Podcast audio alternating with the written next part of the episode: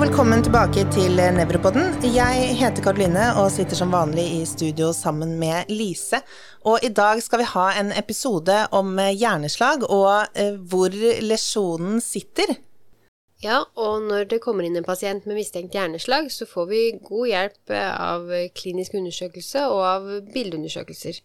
Men det er til syvende og sist vår oppgave å vurdere om eventuelle bildefunn passer sammen med klinikken. Ja, og eh, for å hjelpe oss å systematisere det litt i dag, så har vi med oss eh, professor og overlege ved Oslo universitetssykehus, eh, Mona Kielland. Velkommen til deg. Takk. Og Mona, kan ikke du prøve å hjelpe oss eh, Det er jo et litt vanskelig tema, det her, men kan du prøve å hjelpe oss å systematisere dette litt? Ja, det kan jeg forsøke på. Sånn hvis vi i første omgang skal grodele litt, så tenker jeg at det er lurt å dele inn i fremre og bakre sirkulasjon.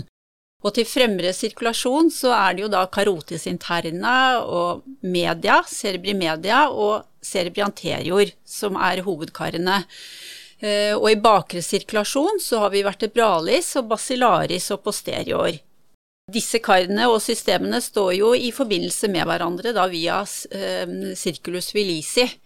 Og det har vi en veldig fordel av. Når ett av eh, karene går tett, så kan de andre kompensere hvis man har en tilfredsstillende sirkulus vilisi.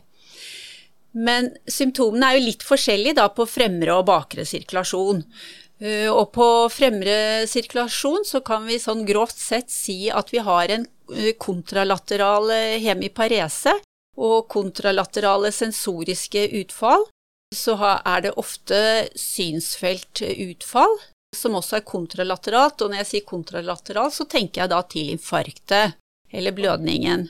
Og da, eh, på en enda lettere måte, så er det på en måte på eh, motsatt side av kroppen, da. Det er det. Mm. Så synsfeltutfall og hemiparese og hemisensoriske utfall. Og så er det jo sånn at hvis man har infarktet i eh, dominant hemisfære, som da er eh, venstre, så kan man få dysfasi eller talevansker. Og er det på, i høyre hemisfære, så kan man få neglekt. Og eh, dominant eh, hemisfære, du sier at det er venstre, men er det for eh, hele befolkningen? Det er for absolutt de fleste. Det er noen venstrehendte som har, eh, har um, talesenter i høyre hemisfære, eller kanskje litt i begge hemisfærer. Uh, men de fleste, også de venstrehendte, har dominant hemisfære og talesenter på venstre side. Så det er veldig sjeldent at du har høyre side som dominant hemisfære, da? Ja, det er sjeldent. Mm. Du nevnte dysfasi. Får vi noe ut av å kategorisere dysfasien ytterligere? Hjelp det oss noe mer om hvor, å vite hvor lesjonen sitter?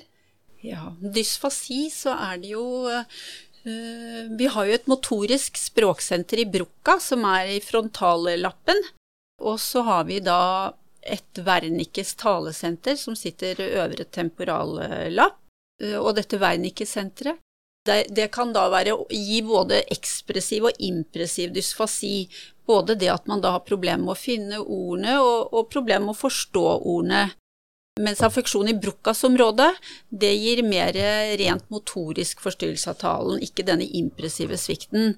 Og at det eh, er da særlig merkbart i forhold til taleflyt. Ofte har det vel en litt Eller jeg syns mange pasienter har en blanding, altså har begge deler. Ja, det er helt riktig. Og det er jo ofte sånn at disse som da kanskje har en ekspressiv eller impressiv dysfasi, at de leter etter ord eller eh, ikke forstår ordene, de har eh, kanskje ofte også en fasialisparese som kan gi litt dysartri og eh, litt sånn blanda taleforstyrrelse. Eh, og det er jo fordi det da er baner mellom Brukka og vernika også. Og du kaller det dysfasi, mens en del andre kaller det afasi. Ja.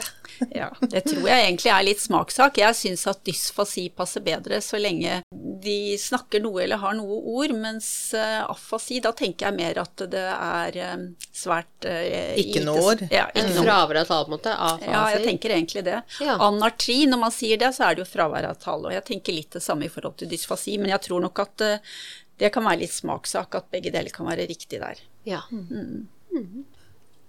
Og så nevnte du neglect, som vi tester på NUSS. Tester for på NUSS. Mm. Det gjør vi. Neglect som et uh, høyre hemisfære-symptom, altså at man har uh, infarkt på høyre hemisfære. Uh, og neglekt, det betyr jo da egentlig at man ikke har oppmerksomhet mot én side, som da er motsatt side av der man har infarktet, og man kan skille mellom sensorisk neglekt og visuelt neglekt.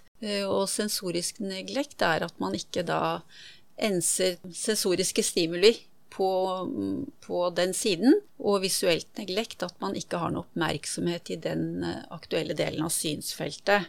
Eh, og for at man skal kunne snakke om neglekt, så må man vite i utgangspunktet at man har bevart sensibilitet på den siden, eller at man har bevart synsfelt på den siden.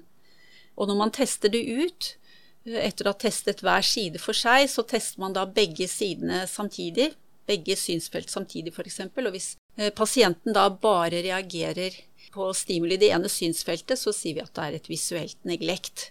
Og tilsvarende da med sensorisk neglekt ved at man stimulerer på begge sider. Så det er viktig at man stimulerer samtidig, da? For å det finne ut av det. Mm. Men så er det også viktig at man har sjekket ut på forhånd at enkeltvis så har de bevart sensibilitet på hver side når man okay. tester for hver enkelt. Så, så, hvis du tester på f.eks.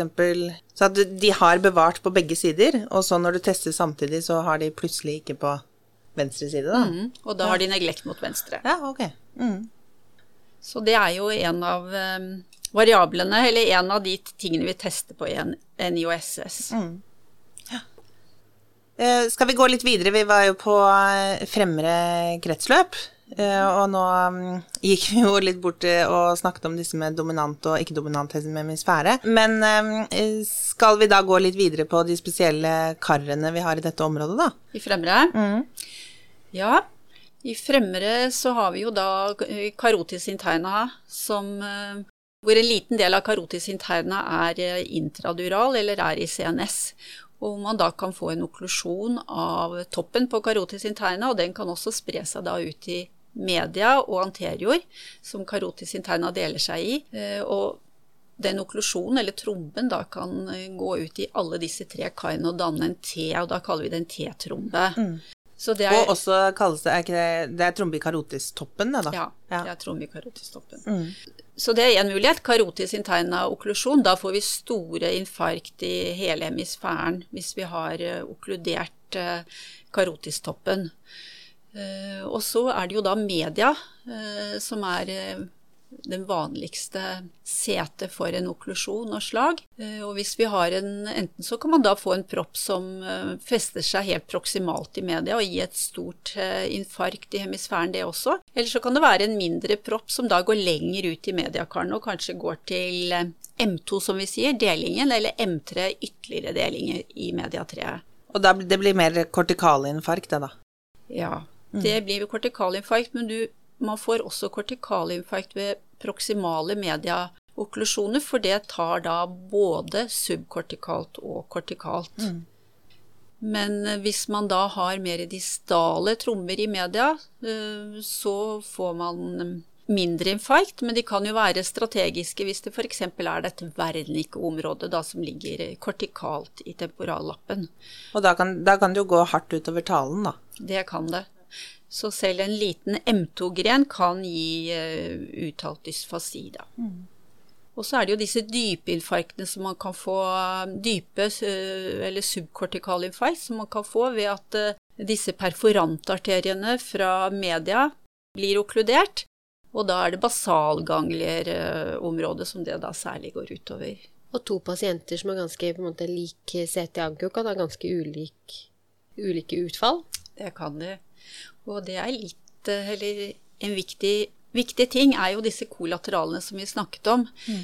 i sted. At eh, noen eh, Det er litt individuelle variasjoner i forhold til hvordan kolateralt nettverk er, er, er til stede. Og hvis man har et godt kolateralt nettverk, så kan disse kolateralene da kompensere for en trombe på en mye bedre måte enn hvis man ikke har kolateraler, hvor man da får mye raskere infight og, og større infight. Og så er det jo sånn også da at hvis man har eh, over tid eh, eh, satt press på sirkulasjonen i hjernen, f.eks. ved at man har en karotistenose, og at eh, hjernen, kanskje den delen av hjernen, hemisfæren, har vært litt hypoperfundert, så utvikles kollateraler.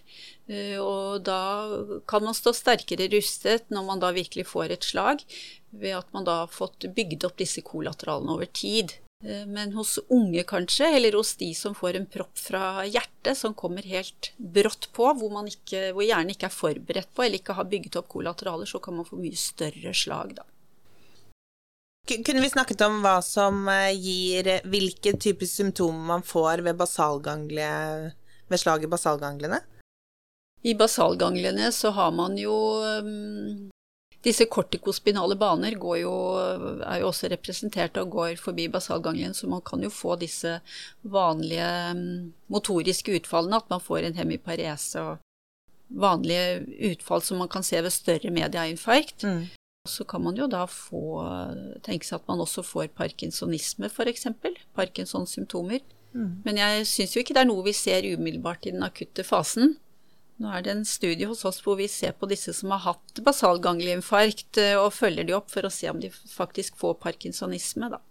Hvordan går den studien, da?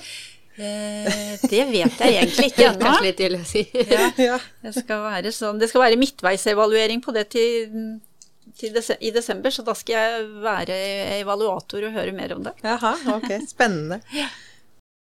Anterior, ja, skulle vi si noe om anterior? Ja, jeg tenker det. Ja. Anterior dekker jo mediale del av eh, frontallappen, eller mediale del av hemisfæren, og litt over eh, konveksiteten. Og det man ofte ser, eller ofte ser ved anteriorinfarkt, det er at man får parese i et ben. Man kan også få sensoriske utfall i benet, og man kan få med overarm og skulder, men det er i mye større grad da undereks, eller beinet, som er affisert. Og det er i forhold til lokalisasjonen til det området som anterior forsyner, da. Ja, mm. det er det. Husker jo denne topografien hvor denne kroppen som henger over konveksiteten på hjernen, hvor benet henger ned medialt. Eh, og det er det, det området som da ikke blir forsynt tilstrekkelig. Mm. Eh, skal vi gå litt videre? Mm -hmm. Ja. I bakre kretsløp, da er det disse karene som jeg nevnte i sted, og da er det hjernestammen og, og cerebellum som vi tenker på. Uh, og også thalamus blir også da forsynt fra posterior og bakre sirkulasjon, men det er jo da særlig hjernestammen og cerebellum som uh, som gir symptomer fra bakre sirkulasjon. Og i hjernestammen så har vi jo alle disse hjerne nervekjernene fra 3 til 12, som ligger eh, litt som perler på en snor nedover, hvor man både har kjernene hvor man har nervene som går ut. Med hjernestammen så tenker vi jo da på mesencefalon eh, øverst, og så kommer pons, og så kommer medulla oblongata før medulla spinalis. Og så har man jo da baner og festet i cerebellum, da, som går inn på hele hjernestammen med flere pedunkler. Som, og disse pedunklene til cerebellum de, de, består jo da av baner mellom hjernestamme og cortex og cerebellum. Ja, så hvis man tenker seg fra, fra mesencefalon, der er det jo oklomotorius og trochlearis vi har som, eh, som, hjernenerver, som da kan gi ulike varianter av eh, oftalmoplegi eller eh, øyemotilitetsforstyrrelse.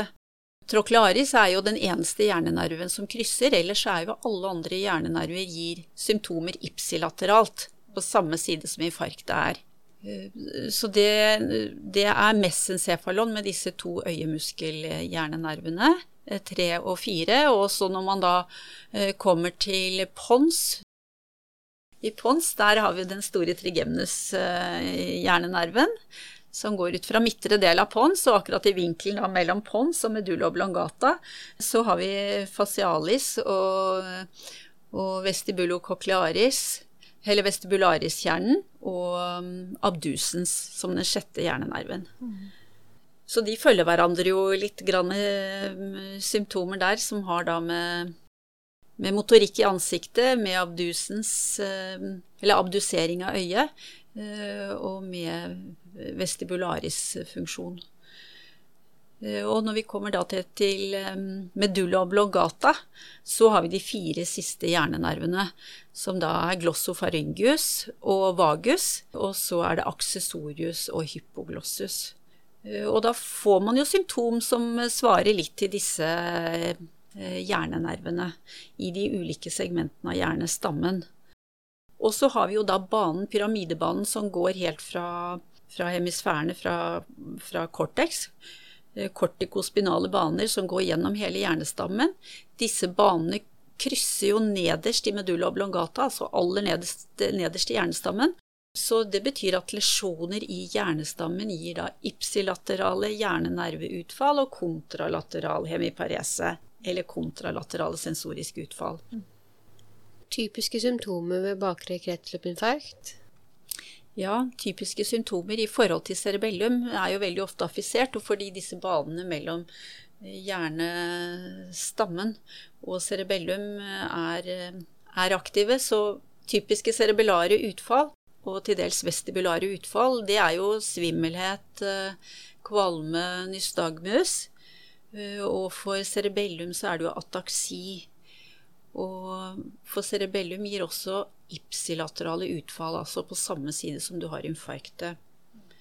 Eh, så har du et infarkt i venstre del av cerebellum, så vil du få venstresidig ekstremitetsataksi.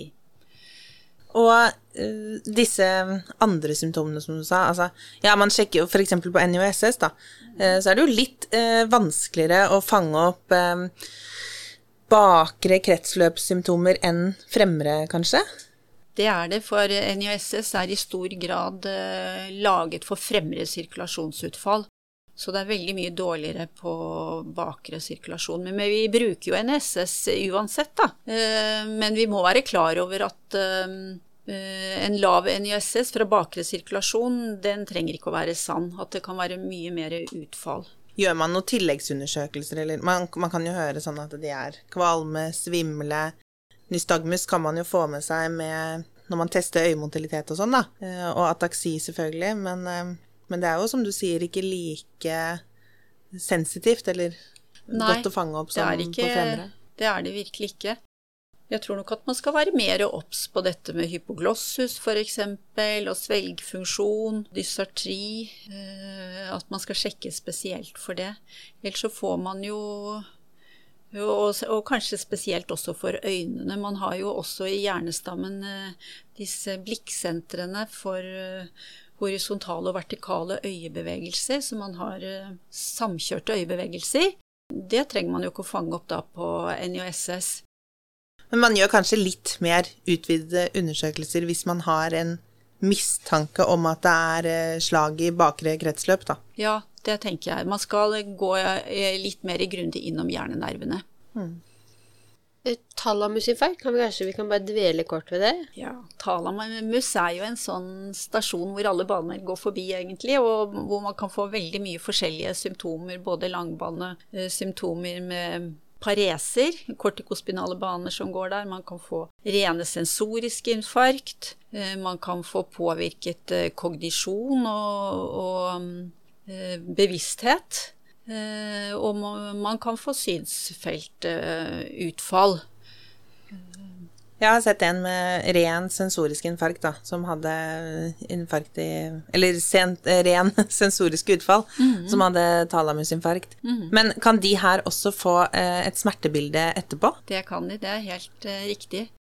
Men det tar litt tid, eller? Det tar ofte litt tid. At ikke mm. det er så til stede i akuttfasen. Men thalamisk talamisk smertesyndrom er jo da et begrep etter en lesjon eller et infarkt da, i talamus.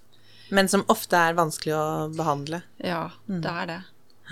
Og så kan man få bilateral feil. Bilateral talamus kan man få, og det er jo, da tenker man jo særlig på dette med at Percheron-arterien, som da er perforantarterier fra posterior, som til går til talamus.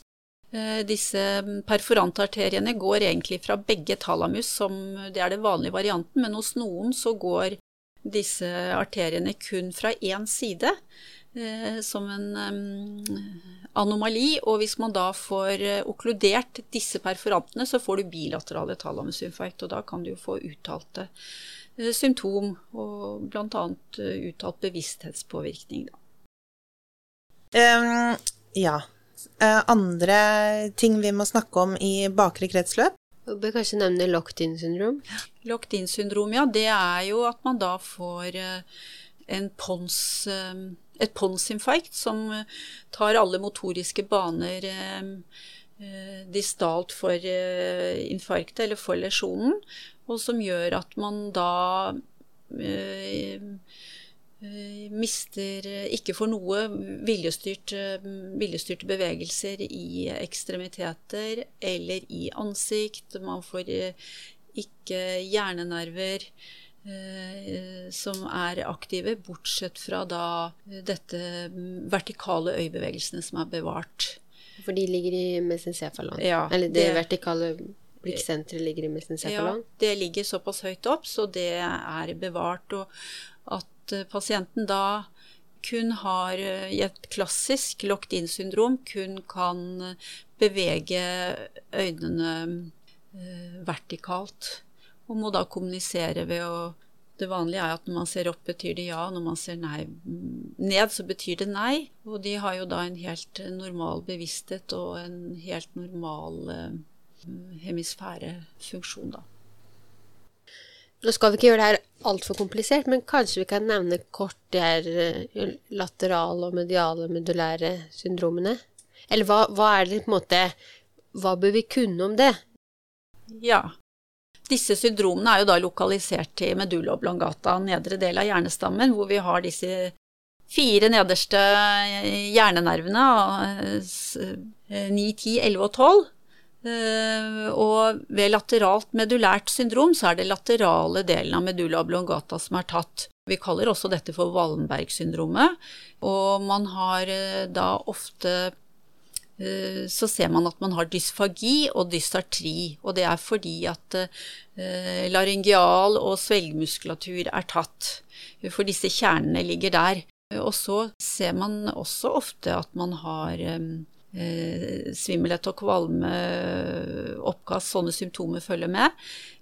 Og så har man tatt sensibilitet, spinotalamiske baner, på motsatt side, for de krysser nedenfor. Så man har har motsatt eh, sensoriske utfall i kroppen i forhold til da hjernenervene. Heshet er jo også ofte et vanlig symptom. Så disse, dette var eh, Medulært. For det er å holde tunga litt rett i munnen. Eh, mm. Det var eh, disse spinotalamiske banene, mm og på får du symptomer på motsatt side. Får du på motsatt side, for de krysser nedenfor. Og hvilke hjernenerver var det? Hjernenerver, det er eh, glossofaryngius. Eh, og så får du også ofte tatt sensibilitet i ansiktet, fordi eh, kjernen til eh, trigeminus går så langt ned i medulla oblongata, så man har samme side også sensibilitet i ansiktet. Altså motsatt av sensibilitet i kroppen. Mm. Men det er å tenke på da disse hjernenervene som ligger i det området, som gir da dysfagi, dysartri, facialis, eller sensibilitet i ansiktet, og, og banene ned til eh, sensibilitet i kroppen. Mens hvis du har det mediale, medulære syndromet, som da ligger i midtlinjen mer på medulla oblongata, så får man da ofte tatt hypoglossus-kjernen, og man får en parese av tungen. Eh, og man får da tungen devierer eh, mot, mot paretisk side, da. Så mot samme side som eh, lesjonen? Ja. Mm. Eh, og da har man ofte tatt eh, motorikk de kortikospinale banene er ofte affisert ved dette medulære syndromet, og da får man kontralateral hemiparese. Og så er det jo sånn at denne dette laterale medulære syndromet, det er jo den PIK-arterien da, som vi av og til hører om posterior inferior cerebellare arterien, som går ut fra vertebralis. Det er den som da særlig gir dette Wallenberg-syndromet nederst i, eller i medulla oblongata. Bra. Og så burde vi kanskje nevne anterior spinalis? Ja. Anterior spinalis, det, den forsyner fremre to tredjedeler omtrent av medulla spinalis. Og eh, det er småarterier som går til medulla opp langs hele hele aksen, og det er arterier som kommer fra aorta. Og som da kan eh, affiseres ved aortapatologi, ved aortadisseksjon eller aortakirurgi. Så kan man få tilstopping av disse små arteria spinalis anterior. Og siden fremre del av medulla spinalis da har inneholder baner som disse kortikospinale banene, med motorikk fra, fra, helt fra kortikalt og helt eh, ned til motoriske forhorn, eh, de banene ligger der, og også eh, spinotalamiske baner med sensibilitet for smerte og, og, temperatur. De ligger også i den fremre delen, så da blir alle funksjoner nedenfor dette området hvor man har fått uh, okklusjon, de blir tatt. Så man får da parese i begge ben, og man får uh, overfladisk sensibilitetstap. Mens dype sansekvaliteter som vibrasjonssans og leddsans, det ligger i bakstrengen. Og de forsynes fra en annen arterie. Så de bevares? De bevares. Så man vil ha leddsans og, og vibrasjonssans i bena, men man har ikke annen sensibilitet, og man har ikke kraft. Mm. Nei, men for, Ja. Takk for en veldig fin oversikt. Så bra. Jeg tror vi har eh, kommet gjennom eh, ganske mye. Det er klart at det, det er jo litt vanskelig å holde kontroll på det her. Det er jo lettere hvis man ser det for seg, hvis man ser på en måte alle strukturene og sånn i, i læreboka, da. Eh, men det, vi har ikke alltid den med oss på vakt, eh, f.eks. Nei, målet er jo å få en oversikt og forhåpentligvis huske mer om det her når man er ferdig og hørt på episoden enn man gjorde før. Mm. Så er det noe vi tenker at vi må tilføye helt til slutt. Lise, har du noe? Jeg kommer ikke, jeg føler jeg får stilt de tingene jeg lurte på. Eller du har snakka fint om de tingene jeg tenkte jeg skulle spørre om. Har du noe, Mona, som du vil tilføye? Nei, jeg tenker vel at vi har vært Eh, innom ting. Ja, innom det meste. Jeg er ja. enig. Så da eh, sier vi tusen hjertelig takk for at du kom til oss i dag. Jo, bare hyggelig.